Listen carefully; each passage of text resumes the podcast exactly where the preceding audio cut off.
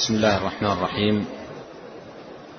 إن الحمد لله نحمده ونستعينه ونستغفره ونتوب إليه ونعوذ بالله من شرور أنفسنا وسيئات أعمالنا.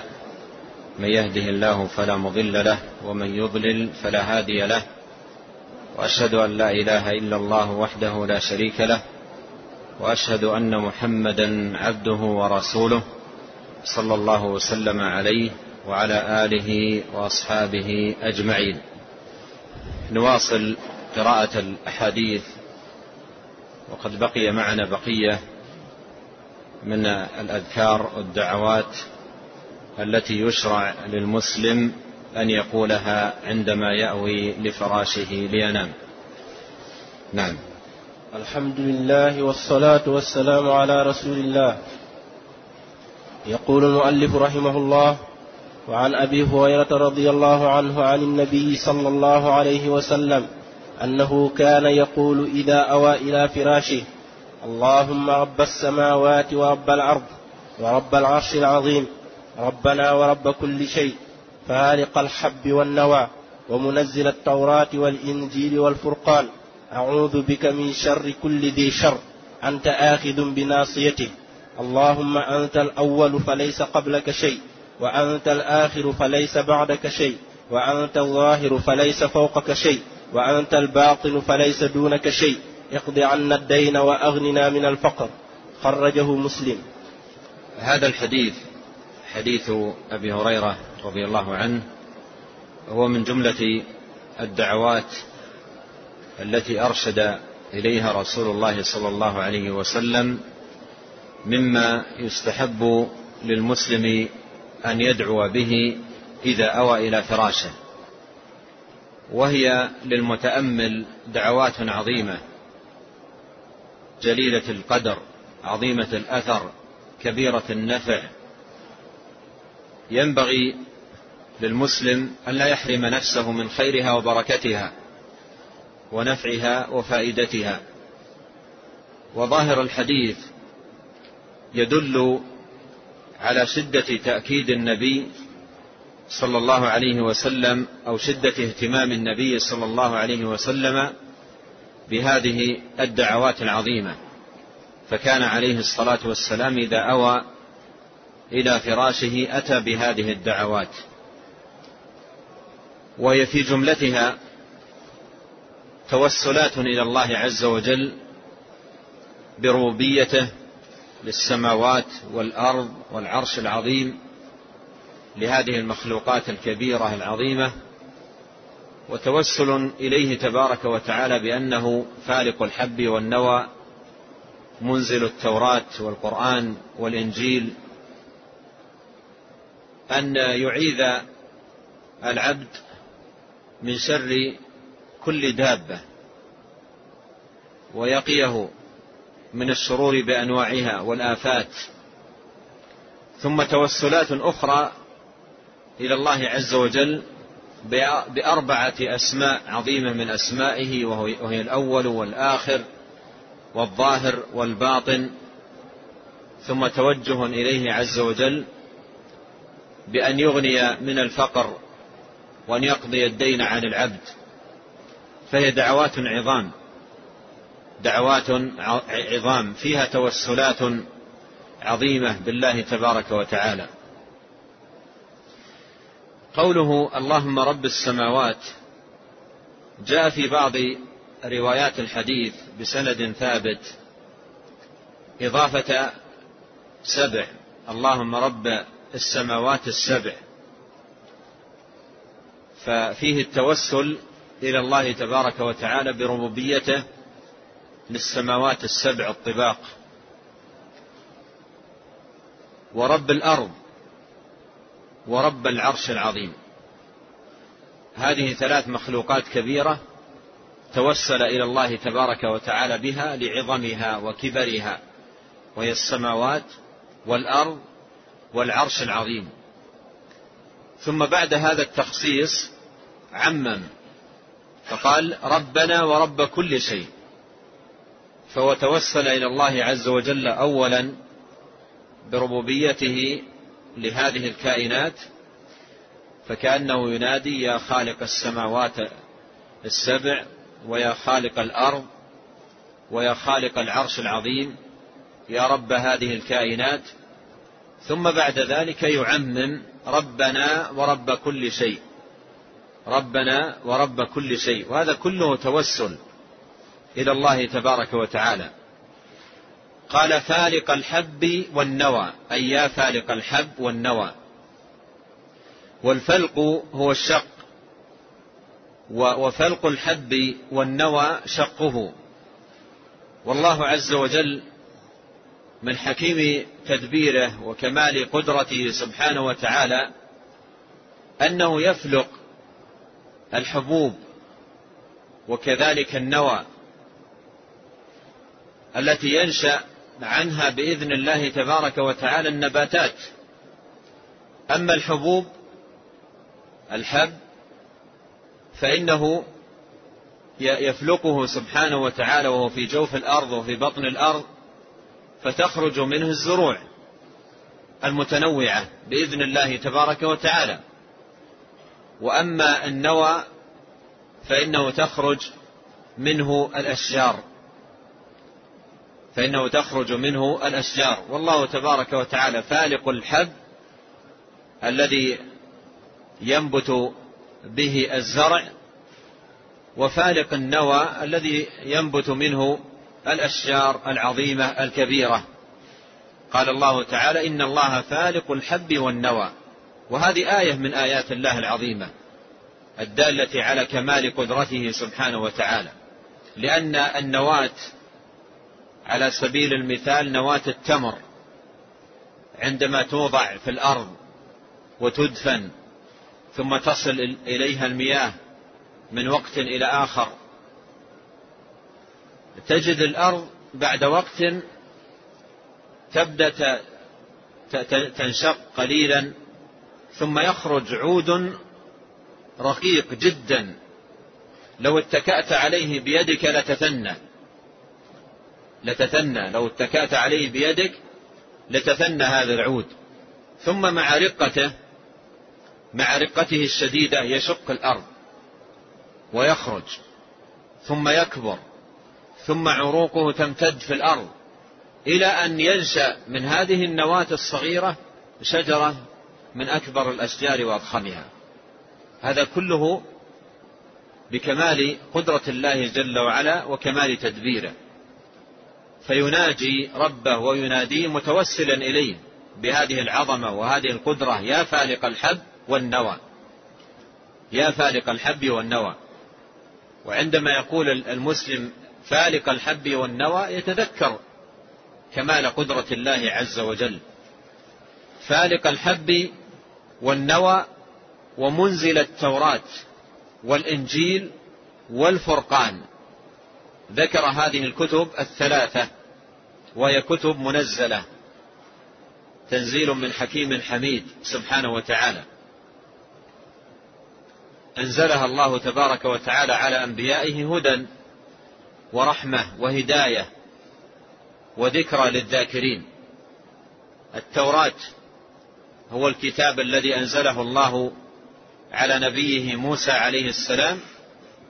والإنجيل هو الكتاب الذي أنزله الله على نبيه عيسى عليه السلام والفرقان هو القرآن الذي نزله الله تبارك وتعالى على نبينا محمد صلى الله عليه وسلم خاتم النبيين. وجعل القرآن خاتم الكتب المنزلة فلم ينزل بعده كتاب. كما أنه لم يبعث بعد محمد صلى الله عليه وسلم رسول. ما كان محمد أبا أحد من رجالكم ولكن رسول الله. فجعل تبارك وتعالى أعظم كتبه المنزلة وهو القرآن لأعظم رسول. صلوات الله وسلامه عليه وجعله خاتمة للكتب المنزلة. فهنا توسل إلى الله عز وجل بتنزيله لهذه الكتب. هداية للناس. منزل التوراة والإنجيل والفرقان. يعني يا من مننت على عبادك وأكرمتهم بأن أنزلت عليهم هذه الكتب هداية ورحمة وصلاحا للعباد.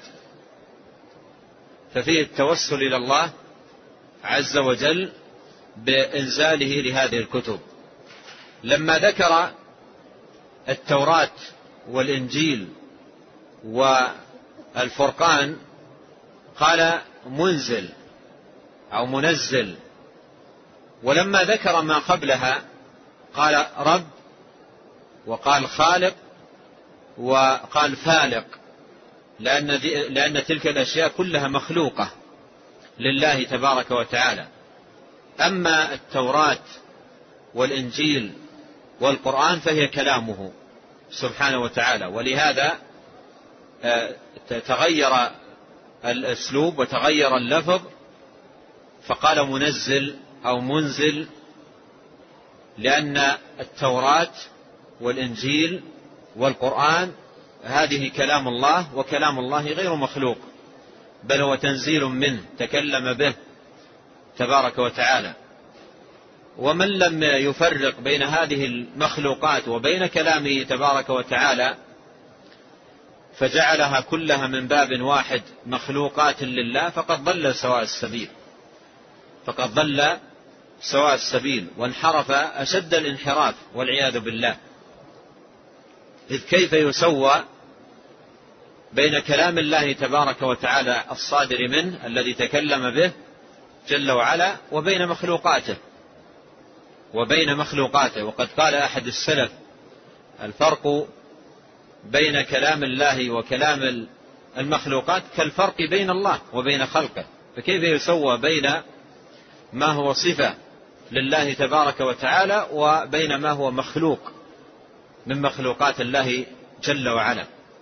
فلا يسوي بينها إلا من انحرف عن سواء السبيل. ولهذا فرق بينها في هذا الدعاء العظيم المبارك. قال رب السماوات قال آه، ربنا ورب كل شيء ومليكه. قال فالق الحب.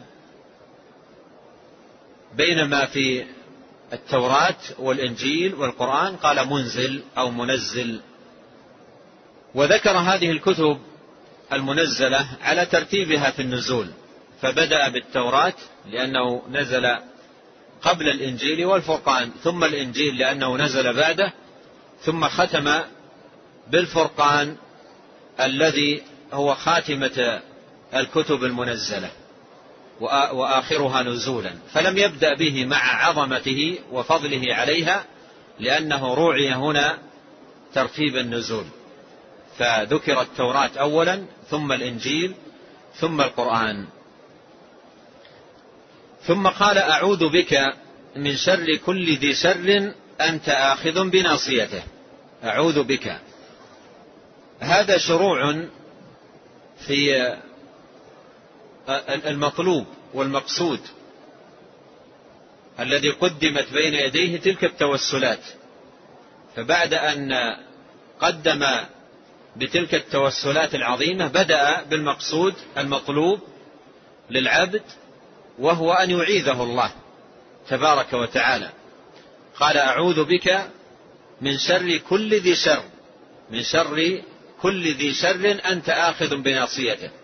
وجاء في بعض ألفاظه أعوذ بك من شر كل دابة أنت آخذ بناصيتها وهما بمعنى واحد. ففيه التعوذ بالله تبارك وتعالى من الشرور سواء قلت من شر كل ذي شر يعني كل مخلوق قام به شر تستعيذ بالله منه أو قلت اللهم إني أعوذ بك من شر كل دابة أنت آخذ بناصيتها والدابة كل ما يدب كل ما يمشي سواء كان مشيه على بطنه أو على رجلين أو على أربع أو على أزيد من ذلك كلها دواب لأنها تدب أي تمشي. والله خلق كل دابة من ماء فمنهم من يمشي على بطنه ومنهم من يمشي على رجلين ومنهم من يمشي على أربع يخلق الله يخلق ما يشاء. فكل ذلك بتدبيره وتسخيره سبحانه. والدواب كلها ناصيتها بيد الله يتصرف فيها كيف يشاء ويحكم فيها بما يريد جل وعز فهي طوع تدبيره سبحانه وتعالى وطوع أمره سبحانه وتعالى. ولهذا قال أعوذ بك من شر كل ذي شر أنت آخذ بناصيتها. والدواب كلها رب العالمين آخذ بناصيتها. كما جاء في دعوة هود عليه السلام إني توكلت على الله ربي وربكم ما من دابة إلا هو آخذ بناصيتها إن ربي على صراط مستقيم. ما من دابة إلا هو آخذ بناصيتها فالدواب كلها نواصيها بيده سبحانه وتعالى يتصرف فيها كيف يشاء ويحكم فيها بما يريد. والعبد إذا استشعر هذه المعاني قويت ثقته بالله وعظم توكله عليه وحسن التجاؤه إليه سبحانه وتعالى. ثم توسل توسلات أخرى إلى الله سبحانه وتعالى بأربعة أسماء حسنى عظيمة لله. فقال اللهم أنت الأول فليس قبلك شيء وأنت الآخر فليس بعدك شيء. وأنت الظاهر فليس فوقك شيء. وأنت الباطن فليس دونك شيء. هذه أسماء حسنى أربعة لله تبارك وتعالى يتوسل بها إلى الله. وقد جمعت هذه الأسماء في أوائل سورة الحديد. قال الله تعالى هو الأول والآخر والظاهر والباطن. وهو بكل شيء عليم. ونبينا صلوات الله وسلامه عليه في هذه الدعوة المباركة تضمن كلامه تفسير هذه الأسماء. تضمن كلامه تفسير هذه الأسماء. ولو قيل لك وأنت تقرأ سورة الحديد هو الأول والآخر والظاهر والباطن ما معاني هذه الأسماء؟ ما معانيها؟ ما المراد بالأول؟ وما المراد بالآخر؟ وما المراد بالظاهر؟ وما المراد بالباطن؟ ما المراد بهذه الأسماء؟ تجد الجواب هنا في تفسير النبي عليه الصلاة والسلام. فتقول بناء على ما ورد عنه عليه الصلاة والسلام الأول هو الذي ليس قبله شيء والآخر هو الذي ليس بعده شيء والظاهر هو الذي ليس فوقه شيء. والباطن هو الذي ليس دونه شيء. هذا التفسير الذي لا تفسير يقدم عليه تفسير النبي عليه الصلاة والسلام. وهذا فيه دلالة على أن أسماء الله تبارك وتعالى كلها لها معاني. ليست أعلاما لا معنى لها بل لها معاني. كل اسم من أسماء الله تبارك وتعالى يتضمن ثبوت صفة كمال لله. فالأول يتضمن ثبوت الأولية. والآخر الآخرية. وهكذا. أسماؤه تبارك وتعالى كلها دالة على ثبوت صفات كمال لله عز وجل. ولهذا ذكر النبي صلى الله عليه وسلم هنا آه، الاسم وتفسيره. ذكر الاسم وتفسيره. قال اللهم أنت الأول فليس قبلك شيء. إلى آخر هذه الدعوة. ثم هذه الأسماء الأربعة التي خصت بالذكر هنا وجاءت مجتمعة في سورة الحديد فيها الدلالة على كمال إحاطة الله سبحانه وتعالى بخلقه الإحاطة الزمانية والإحاطة المكانية. أما الأول والآخر ففيهما الدلالة على الإحاطة الزمانية على الإحاطة الزمانية. فمن حيث الزمان من حيث الزمان فالله تبارك وتعالى أول ليس قبله شيء. إذا نظرت إلى الزمان فالله تبارك وتعالى أول ليس قبله شيء.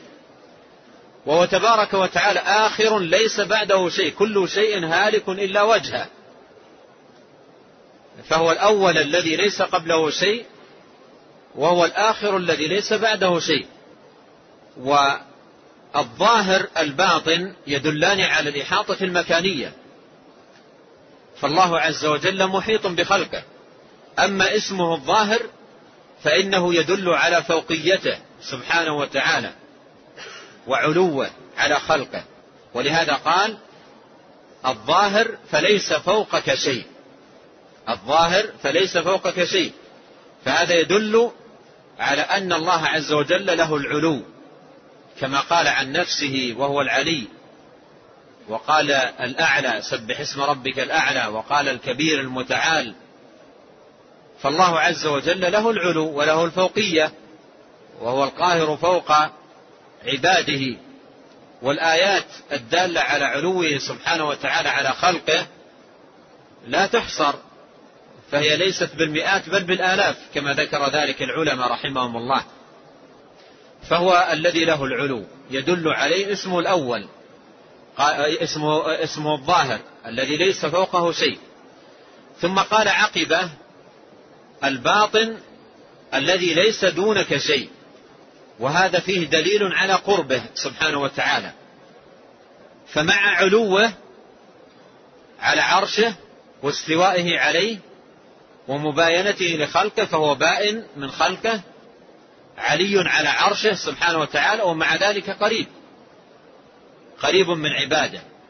وهذا الذي يدل عليه البطون في قوله الباطن ويدل على قربه سبحانه وتعالى من عباده مع علوه عليهم.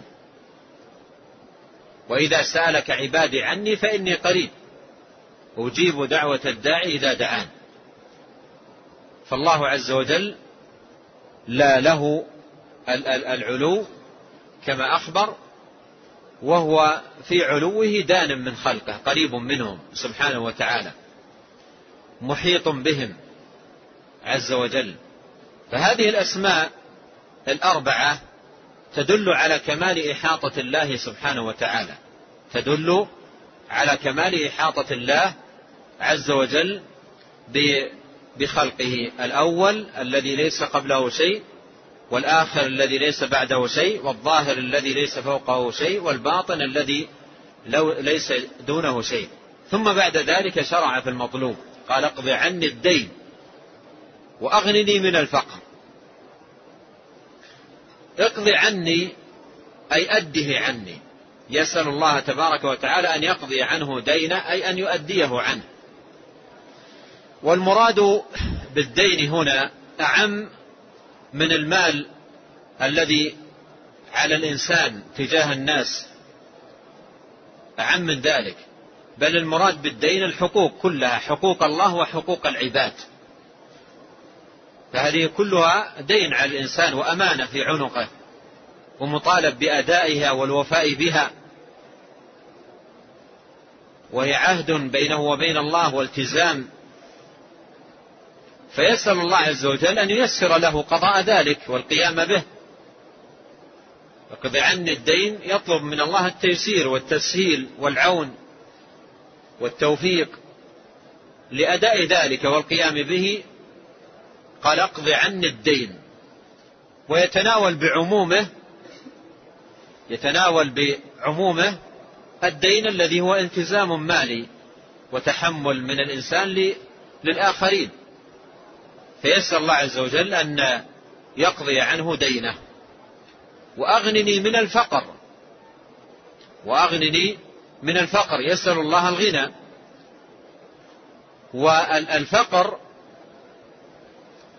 هو أن لا يجد الإنسان كفايته أو لا يجد شيئا. لا يجد شيئا أو لا يجد كفايته وما يسد حاجته. فمن كان بهذه الصفة فهو فقير. من لا يجد شيئا ومن لا يجد كفاية فهو فقير. فيسأل الله عز وجل أن يغنيه من الفقر. وكل من الدين والفقر هم. كل من الدين والفقر هم. والهم شأنه أنه يقلق الإنسان ويؤرقه. وغالبا القلق الذي ينشأ عن الدين والفقر يكبر في الإنسان ويعظم عندما يسكن للراحة. عندما يسكن للراحة ويتهيأ للنوم وينتهي من الأعمال والمصالح التي تملأ وقته وتشغل وقته عن همه فإذا سكن وأوى إلى فراشه لينام تواردت على ذهنه هذه الأمور فأقلقته. ولهذا يحصل ما يسمى بالأرق. يحصل ما يسمى بالأرق. وشرود النوم وعدم حصوله للإنسان وتقلب على الفراش وقتا طويلا يطلب النوم فلا يأتيه بسبب الهم الذي يترتب عليه القلق. والقلق يترتب عليه شرود النوم عن الإنسان. ولهذا كانت هذه الدعوة مجيئها في هذا الموضع في غاية المناسبة في غاية المناسبة لأن العبد يفوض أمره إلى الله سبحانه وتعالى ويحسن التجاءه إليه وتوسله وتذلله فيحصل له طمأنينة يحصل لقلبه طمأنينة وراحة وسكون يهدأ قلبه وأيضا تقوى صلته بربه ويقوى رجاؤه وأمله بالله سبحانه وتعالى أن يقضي عنه دينه وأن يغنيه من فقره. ولهذا آه، جدير بكل مسلم أن تعظم محافظته على هذه الدعوات العظيمة التي لم يكن رسول الله صلى الله عليه وسلم سيد ولد آدم يدعها. ما كان يدعها؟ إذا أوى إلى فراشه أتى بها. يناجي رب العالمين ويتذلل بين يديه. ويقول عليه الصلاة والسلام وهو سيد ولد آدم بعد توسله إلى الله بهذه التوسلات يقول اللهم أنت الأول والذي ليس قبله شيء وأنت الآخر الذي ليس بعده شيء وأنت الظاهر الذي ليس فوقه شيء وأنت الباطن الذي ليس دونه شيء اقضي عني الدين. هكذا يقول سيد ولد آدم كل ليلة عليه الصلاة والسلام يناجي ربه فيسأل قضاء الدين من الله ويسأل الغنى من الفقر من الله فهو عبد لله. ولننتبه لهذا عبد لله فقير إلى الله محتاج إلى الله ليس بيده شيء. الأمر كله بيد الله. قال الله له في القرآن ليس لك من الأمر شيء. فالأمر بيد الله سبحانه وتعالى. وليت من وقعوا في الغلو في حقه عليه الصلاة والسلام يتأملون في أمثال هذه الأحاديث. في حقه وحق غيره. ممن يقصدون القباب والأضرحة ومن يسمون بالأولياء ليعرضوا عليهم حاجاتهم وطلباتهم. فمنهم من يعرض عليهم طلب الغنى من الفقر. ومنهم من يعرض عليهم طلب الشفاء من المرض. ومنهم من يعرض عليهم طلب قضاء الدين.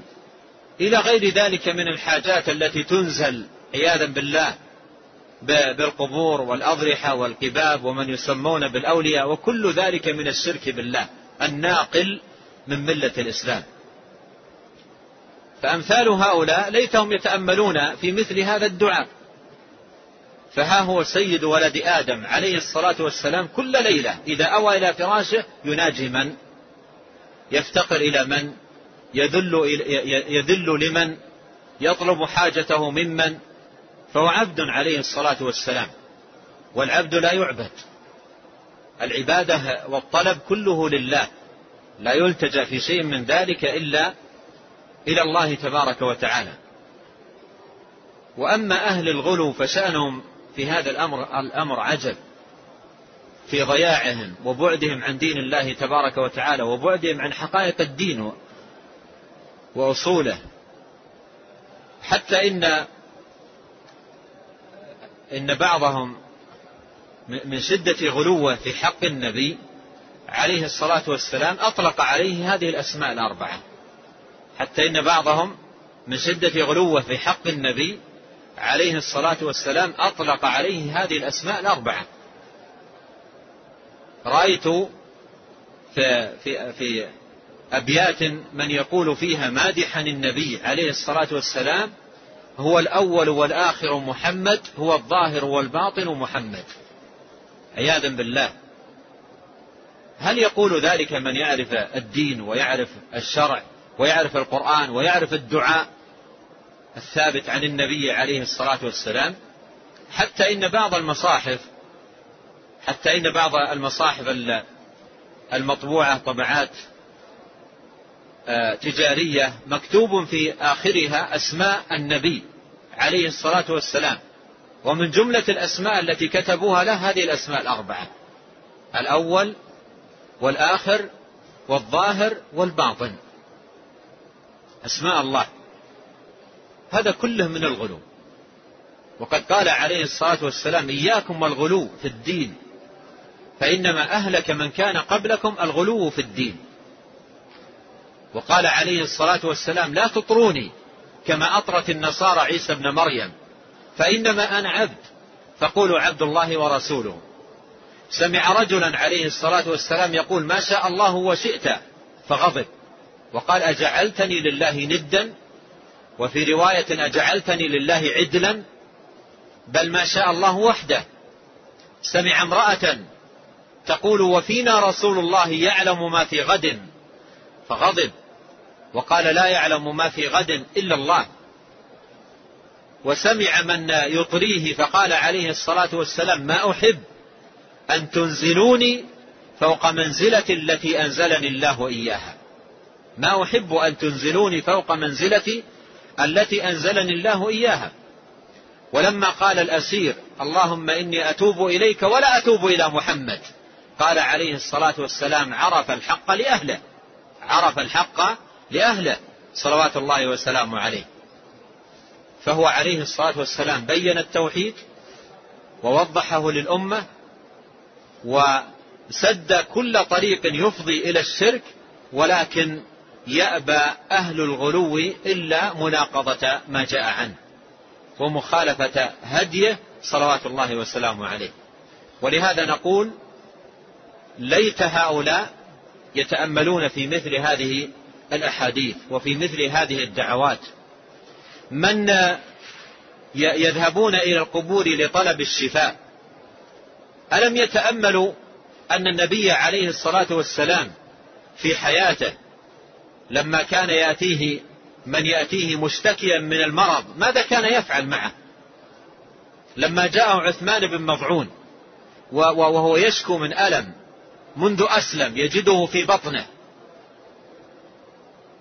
ماذا قال له النبي عليه الصلاة والسلام؟ قال ضع يدك على الذي يألم من جسدك ثم قل بسم الله ثلاث مرات ثم قل سبع مرات أعوذ بالله وقدرته من شر ما أجد وأحاذر. أرشده إلى اللجوء إلى الله. ولما كان يأتيه المريض كان يقول عليه الصلاة والسلام اللهم رب الناس أذهب البأس واشف أنت الشافي لا شفاء إلا شفاؤك شفاء لا يغادر سقما. ثم يذهب هؤلاء المساكين إلى الأضرحة وإلى القبور يتمسحون بها وينطرحون عند أعتابها ويتذللون لأصحابها ويعرضون عليهم حاجاتهم فهذا تراه باكيا عند القبر يسأل مالا وذاك يسأل شفاء وذاك يطلب ولدا إلى غير ذلك من الطلبات التي لا تنزل إلا برب العالمين.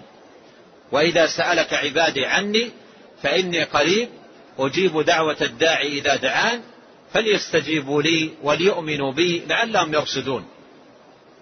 ولهذا كل هؤلاء الواقعين في هذه الضلالات وفي تلك الشركيات إنما أتوا بعدم معرفتهم بكلام الله عز وجل وعدم معرفتهم بكلام رسول الله عليه الصلاة والسلام وعدم معرفتهم بالدعوات المأثورة عنه صلى الله عليه وسلم. أقول يكفي المسلم أن يعرف التوحيد أن يقرأ هذه الأدعية. هذه الأدعية كلها توحيد وإخلاص لله. والتجاء إلى الله سبحانه وتعالى وبراءة من الشرك فهي كلها تحقيق للتوحيد وتحقيق للإخلاص وتحقيق للاستقامة على شرع الله تبارك وتعالى. ولهذا نتوجه إلى الله تبارك وتعالى ملحين عليه سائلينه تبارك وتعالى بأسمائه الحسنى وصفاته العلى أن يبصرنا جميعا بدينه وأن يهدينا سواء السبيل. وأن يعيذنا من الضلال وأن يباعدنا عن الشرك ووسائله وأسبابه وأن يوفقنا لاتباع سنة نبينا الكريم عليه صلوات الله وسلامه. قال رحمه الله وقال البراء بن عازب رضي الله عنه قال لي رسول الله صلى الله عليه وسلم إذا أتيت مضجعك فتوضأ وضوءك للصلاة ثم اضجع على شقك الأيمن وقل اللهم أسلمت نفسي إليك ووجهت وجهي إليك وفوضت أمري إليك وألجأت ظهري إليك رغبة ورهبة إليك لا ملجأ ولا منجأ منك إلا إليك. آمنت بكتابك الذي أنزلت وبنبيك الذي أرسلت فإن مت من ليلتك مت على الفطرة واجعلهن آخر ما تقول. متفق عليه.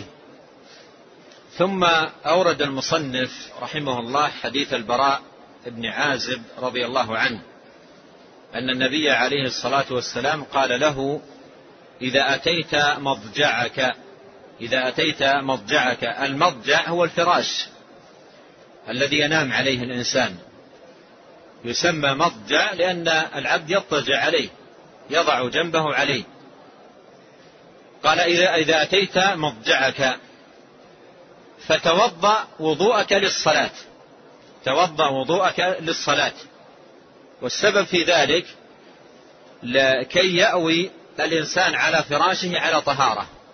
لكي يأوي الإنسان إلى فراشه على طهارة. وهذه أكمل أحوال العبد المسلم أن يكون على على طهارة.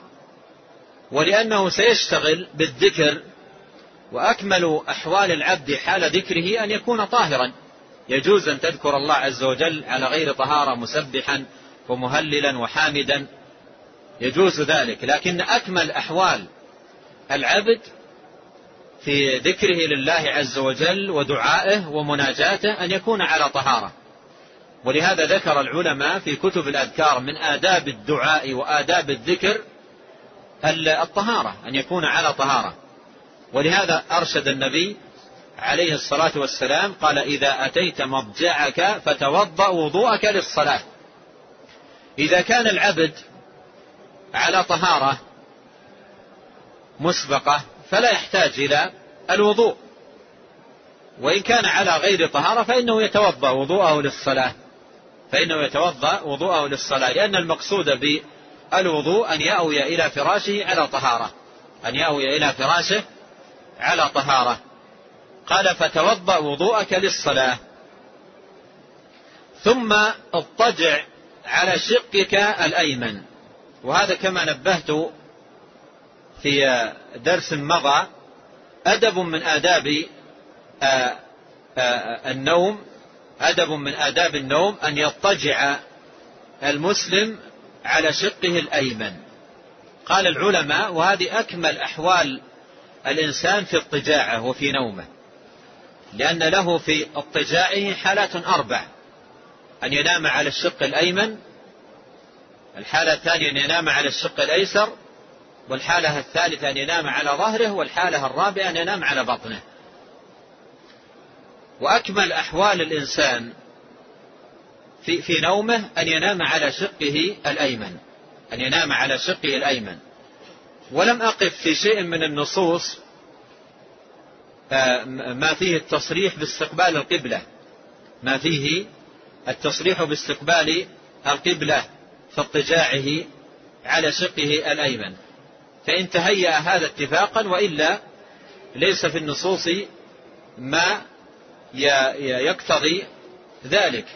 ولأن الأمر قد يلحق الإنسان فيه مشقة. قد يلحق الإنسان فيه مشقة فلا يتهيأ له هذا الأمر. ولم أقف في شيء من النصوص التي وردت فيما يتعلق بالأذكار وآداب النوم ما يدل على استقبال القبلة عندما يضطجع على شقه الأيمن. ولهذا لا حرج يضطجع على شقه الأيمن على أي جهة كان. على أي جهة كان. فهذا أدب من الآداب. ثم نلاحظ هنا أن هذا الاضطجاع على الشق الأيمن هو أول ما يبادر إليه الإنسان عندما يضطجع. فيبادر إلى هذه السنة. أول ما يضطجع يكون اضطجاعه على شقه الأيمن. ولهذا مر معنا سابقا باسمك اللهم وضعت جنبي. ما قال وضعت ظهري؟ ولم يقل وضعت بطني. قال وضعت جنبي. وهذا يدل على أن الإنسان أول ما ينام ينزل على على فراشه جالسا ثم يضطجع على على شقه الأيمن. هذه هي السنة. هذه السنة وهذا الذي تدل عليه كثير من الأذكار التي وردت في الباب أن أن أن المسلم إذا أوى إلى فراشه يبادر إلى هذا. أول ما ينام يضطجع على شقه الأيمن. يبدأ بذلك. ثم يستمر على هذه الحال يستمر على هذه الحال على شقه الأيمن ويأتي بالأذكار المشروعة الواردة واحدا تلو الآخر إلى أن يأتيه النوم وهو على هذه الحال. إن تمكن من الاستمرار على هذه الهيئة إن تمكن من الاستمرار على هذه الهيئة يستمر فهو أكمل له وإن لم يتمكن تعب آه، آه، لم يحتمل تألمت يده بعض الناس ربما لظروف معينة قد لا يستطيع. فله أن ينقلب على ظهره وله أن ينام على شقه الآخر ينقلب إليه. لكن أول ما يبادر يبادر إلى الاضطجاع على شق الأيمن ويحاول أن يبقى على هذه الحال. فإن احتاج إلى اقتلاب على الظهر أو اقتلاب على الجنب الأيسر فلا بأس بذلك. لكن لا ينام على بطنه. لا ينام على بطنه لنهي النبي عليه الصلاة والسلام عن هذه النومة وأخبر أنها نومة المغضوب عليهم أو نومة أهل النار. الشاهد أنه عليه الصلاة والسلام نهى أن ينام الإنسان على بطنه ورأى شخصا نائما على بطنه فنهاه عن ذلك عليه الصلاة والسلام. قال إذا أتيت مضجعك فتوضأ وضوءك للصلاة ثم اضطجع على شقك الأيمن وقل اضطجع على شقك الأيمن وقل. وهذا فيه تلقين النبي عليه الصلاة والسلام لأصحابه الأذكار والدعوات وإرشادهم إلى ما فيه راحتهم وطمأنينتهم وسعادتهم في الدنيا والآخرة. قال إذا أتيت مضجعك فتوضأ وضوءك للصلاة ثم اضطجع على شقك الأيمن وقل. ثم ذكر له هذا الدعاء اللهم أسلمت نفسي إليك إلى آخره. قوله اللهم إني أسل... اللهم أسلمت نفسي إليك. أي جعلت نفسي أو رضيت من نفسي أن تكون مستسلمة لك راضية بحكمك وقضائك وما تشاؤه لي فأنا أسلمت نفسي إليك. والأمر لك يا الله من قبل ومن بعد. مثل ما مر معنا لك نفسي أو لك مماتها ومحياها. الأمر لك. إن شئت أرسلتها وإن شئت قبضتها فأنا أسلمت نفسي إليك. إن قبضت نفسي فالأمر لك. وإن أرسلتها وكتبت لي حياة فالأمر لك. فأسلمت نفسي إليك راضيا. أسلمت نفسي إليك راضيا. بما تقضيه لي وما تدبره وأنا عبد من عبيدك راض بما قضيته ودبرته لي يا رب العالمين. اللهم أسلمت نفسي إليك ووجهت وجهي إليك وهذا فيه الالتجاء إلى الله والتوكل عليه سبحانه وتعالى والإخلاص. وجهت وجهي إليك أي مخلصا متوكلا معتمدا عليك مفوضا أمري إليك. وفوضت أمري إليك. أي توكلت عليك في أمري كله. وقوله أمري مفرد مضاف فيعم أي في كل أمر من أموري وكل حاجة من حاجاتي قد فوضت أمري إليك. فتوفيقي بيدك. وصلاح أمري إليك. فأموري كلها أفوضها إليك. متوكلا معتمدا عليك وحدك. وألجأت ظهري إليك أي أسندت ظهري لحمايتك وحفظك. ففيه احتياج العبد التام إلى حفظ الله ووقايته وكفايته سبحانه وتعالى. قال وأسندت وألجأت ظهري إليك أي أسندت ظهري لحفظك وحمايتك. وطلب الوقاية منك يا الله فهذا فهذا فيه التجاء إلى الله تبارك وتعالى. وطلب الحماية والعون. قال رغبة ورهبة إليك. أي أقول ذلك وأطلب ذلك وأنا راغب راهب راغب فيما عندك. وراهب أي خائف من أن تردني. وأن تمنعني من ذلك بسبب ذنوبي وتقصيري وتفريطي. فأنا جامع بين الرغبة والرهبة كما قال الله عز وجل عن الكمل من عباده وأنبيائه إنهم كانوا يسارعون في الخيرات ويدعوننا رغبا ورهبا. ويدعوننا رغبا ورهبا. فقولك هنا رغبة ورهبة إليك أي أدعوك بهذه الدعوة أدعوك بهذه الدعوات وأنا راغب راهب. اجتمع لي آه، رجاء وخوف رغبة ورهبة. رغبة ورهبة إليك لا ملجأ ولا منجأ منك إلا إليك أي المفر إليك وحدك. كما قال تبارك وتعالى ففروا إلى الله. لا ملجأ أي ليس لي من ألتجئ إليه. ليس لي من ألتجئ إليه لا ملجأ لي. ليس هناك من ألتجئ إليه وأعتمد عليه وأفوض أموري إليه إلا أنت يا الله لا ملجأ ولا منجأ أي ليس لي نجاة ولا مكانا أفر إليه وأحصل به نجاتي مما يهلكني ومما أخافه إلا بأن أفر إليك. وكل شيء يخافه الإنسان يفر منه. إلا رب العالمين. إذا خافه فر إليه سبحانه وتعالى. ولهذا قال الله تبارك وتعالى ففروا إلى الله. أي شيء تخافه تفر منه. ورب العالمين إذا تحقق منك الخوف أو تحقق فيك الخوف منه تبارك وتعالى فررت إليه ولجأت إليه. لأنك تعلم أن زوال خوفك وحصول نجاتك وتحقق أمنك لا يكون إلا منه تبارك وتعالى. ولهذا قال لا ملجأ ولا منجأ منك إلا إليك. فإليك المفر وإليك المفزع وإليك الملتجأ ونجاتي بيدك. هذا معنى قوله لا ملجأ ولا منجأ منك إلا إليك. ثم قال آمنت بكتابك الذي أنزلت. آمنت بكتابك الذي أنزلت. آمنت أي أقررت بكتابك أي القرآن الكريم الذي أنزلت أي على عبدك ورسولك ومصطفاك محمد صلى الله عليه وسلم. أنزلته هداية ورحمة وذكرى للذاكرين. آمنت به. آمنت به. وأنه كتاب منزل من رب العالمين فيه الحق وفيه الهدى وفيه الفلاح وفيه السعادة. آمنت بذلك.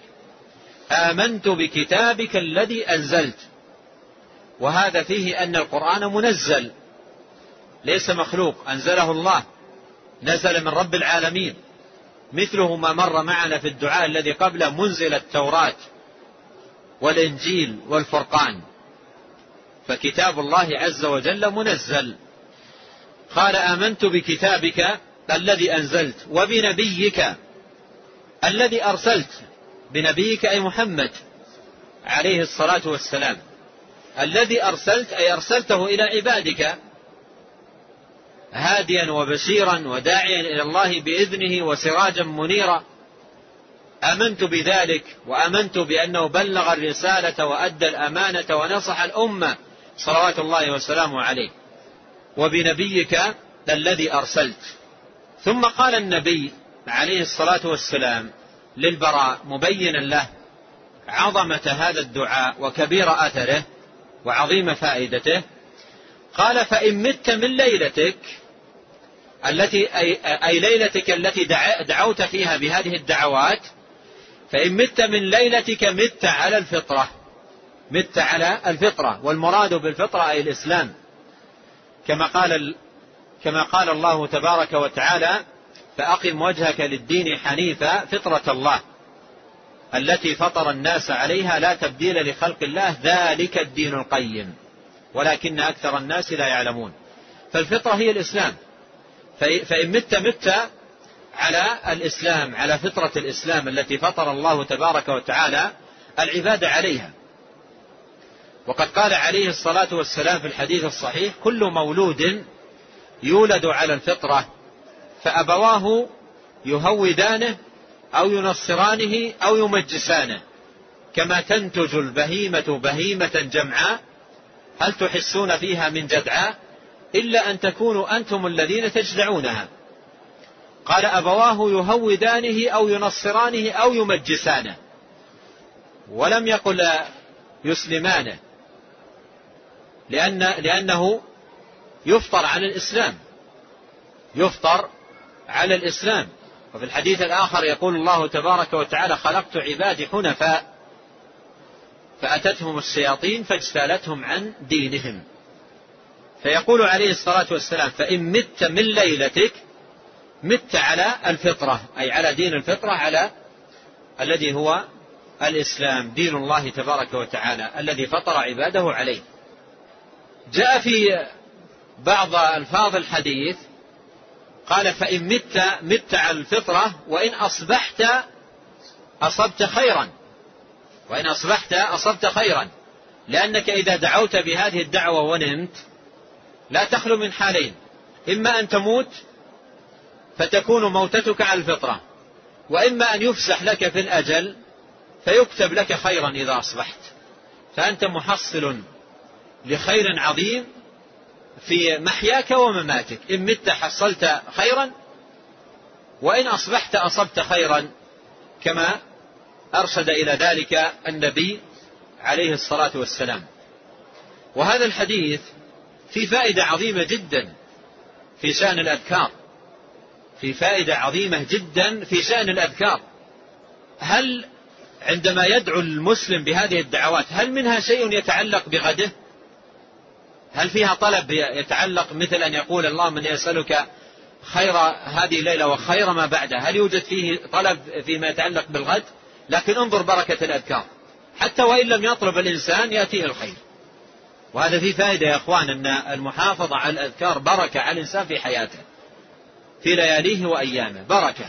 حتى الشيء الذي ما تطلبه يأتيك من بركة الذكر. وبركة المحافظة عليه.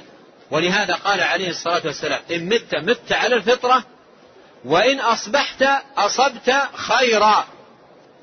هنا أيضا لك أن تقول ما الخير الذي أصيبه؟ ما الخير الذي أصيبه؟ ماذا يدل عليه هذا السياق الكريم المبارك؟ إن, أصح إن, أصح إن أصبت إن أصبحت أصبت خيرا. نكر الخير الذي يصاب تفخيما لأمره وبيانا لعظمه. وفضل الله تبارك وتعالى واسع. والعطية على قدر المعطي. الذي سيعطيك الخير من هو؟ رب العالمين جل وعز. والعطية على قدر معطيها. قال وإن أصبحت أصبت خيرا. أي من الله عليك بالخير. فهذا نستفيد منه فائدة عظيمة جليلة القدر وهي أن المحافظة على الأذكار بركة بركة على العبد في حياته ومماته. بركة على العبد في حياته ومماته. يكتب له البركة في حياته ويكتب له أيضا التوفيق للموت على الفطرة وعلى ما فيه السعادة والفلاح. إن كان مات وإن أصبح أصاب خيرا كما أخبر نبينا عليه الصلاة والسلام. قال واجعلهن آخر ما تقول. واجعلهن آخر ما تقول. يعني اجعل هذه الدعوات آخر شيء تقوله. آخر شيء تقوله. بمعنى أن هذه الدعوات ورد في السنة أشياء يسبقها. وهذا فيه جواب على سؤال يأتي كثيرا من بعض الإخوة. عندما يرد في النوم أو في الصباح أذكار الصباح أو أذكار المساء يسأل كثير من الناس يقول أكتفي بواحد منها أو آتي بها كلها؟ أكتفي بواحد منها أو آتي بها كلها. فقوله عليه الصلاة والسلام اجعلهن آخر ما تقول اجعلهن آخر ما تقول هذا فيه إشارة إلى ماذا؟ إلى أن للنوم أذكارا عديدة متنوعة لا تكتفي بواحد منها وإنما حاول أن تأتي منها ما استطعت أن تأتي منها بما استطعت وليكن آخر ما تقوله منها هذا هذا الدعاء. فهذا فيه جواب على على ذاك السؤال أنواع الأذكار الواردة في النوم. هل آتي بها كلها أو كل يوم كل ليلة أختار منها واحدا؟ بعضهم يسأل هذا السؤال كل ليلة آتي منها بواحد أم آتي بها كلها؟ فالجواب أنك تأتي منها بما استطعت وكلما جئت بأكثر كان نصيبك من هذا الذكر والدعاء أعظم وحظك أوفر وليكن آخر ما تقوله من أذكارك ودعواتك هذا الدعاء الوارد في حديث البراء بن عازب. الوارد في حديث ابن البراء بن عازب. في حديث آخر جاء عن النبي عليه الصلاة والسلام حديث فروة أن النبي عليه الصلاة والسلام قال له اقرأ قل يا أيها الكافرون عندما تأوي إلى فراشك. وقال له في الحديث واجعلها آخر ما تقول. واجعلها آخر ما تقول. حديث فروة يدل على استحباب قراءة قل يا أيها الكافرون إذا أويت إلى فراشك. وهو حديث ثابت عن نبينا عليه الصلاة والسلام. يستحب لك إذا أويت إلى فراشك أن تقرأ قل يا أيها الكافرون مرة واحدة وأيضا يستحب أن تكون هي ماذا؟ يستحب أن تكون هي آخر ما تقرأ. يستحب أن تكون هي آخر ما تقرأ. وكيف تجمع بينها وبين هذا الحديث؟ الجمع متيسر فيما يتعلق بالدعاء والسؤال والطلب ليكن آخر دعواتك ماذا؟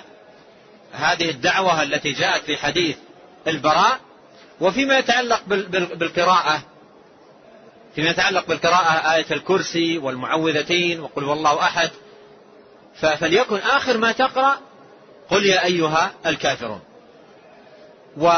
وبين عليه الصلاة والسلام أن أنك إن مت في حديث فروة الذي فيه قراءة قل يا أيها الكافرون أنك إن مت مت على البراءة من الشرك. أو كما قال عليه الصلاة يكتب لك براءة من الشرك. مثل ما قال هنا تموت على الفطرة وهناك تموت بريئا من الشرك. لماذا؟ لأن قل يا أيها الكافرون سورة أخلصت للتوحيد توحيد الله وإخلاص العبادة له. قل يا أيها الكافرون لا أعبد ما تعبدون. هذا التوحيد لا أعبد ما تعبدون ولا أنتم عابدون ما أعبد ولا أنا عابد ما عبدتم ولا أنتم عابدون ما أعبد لكم دينكم وليدين ثم تنام. وأنت تقرأ هذه الآيات وتستحضر معناها تموت إن مت بريئا من الشرك. تموت إن مت وأنت بريئا من الشرك. ولهذا بعض السلف كان يسمي سورة الكافرون المقشقشة. كان بعض السلف يسمي سورة الكافرون قل يا أيها الكافرون يسميها المقشقشة يعني التي تقش الشرك ما تبقيه تطرده وتبعده وقشقشتها للشرك لا تكون بمجرد القراءة. بل لا بد أن تقرأ وأنت محققا ما دلت عليه من التوحيد والإخلاص والبراءة من الشرك. فإذا قرأ المسلم قل يا أيها الكافرون إلى تمام السورة مستحضرا معناها ومات من ليلته مات بريئا من الشرك. مات بريئا من الشرك كما أخبر بذلك رسولنا الكريم صلوات الله وسلامه عليه. ثم بعد ذلك انتقل المصنف رحمه الله في فصل فيما يقوله المستيقظ من نومه ليلا ونكتفي بهذا القدر والله تعالى أعلم وصلى الله وسلم على نبينا محمد.